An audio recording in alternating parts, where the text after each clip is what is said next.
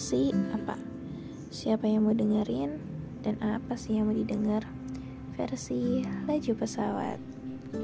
Sejauh apa pun kamu terbang ke atas ke mana pun lajunya dan pada akhirnya kita akan mendarat pada tujuan kita.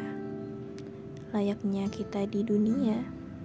Ke mana pun langkah kaki kita berpijak pasti akan kembali pada suatu tempat yang disebut rumah. Di sana kita mulai, di sana pula lah kita kembali. Hingga pada akhirnya di sinilah, di titik inilah kesempatan kita untuk memilih.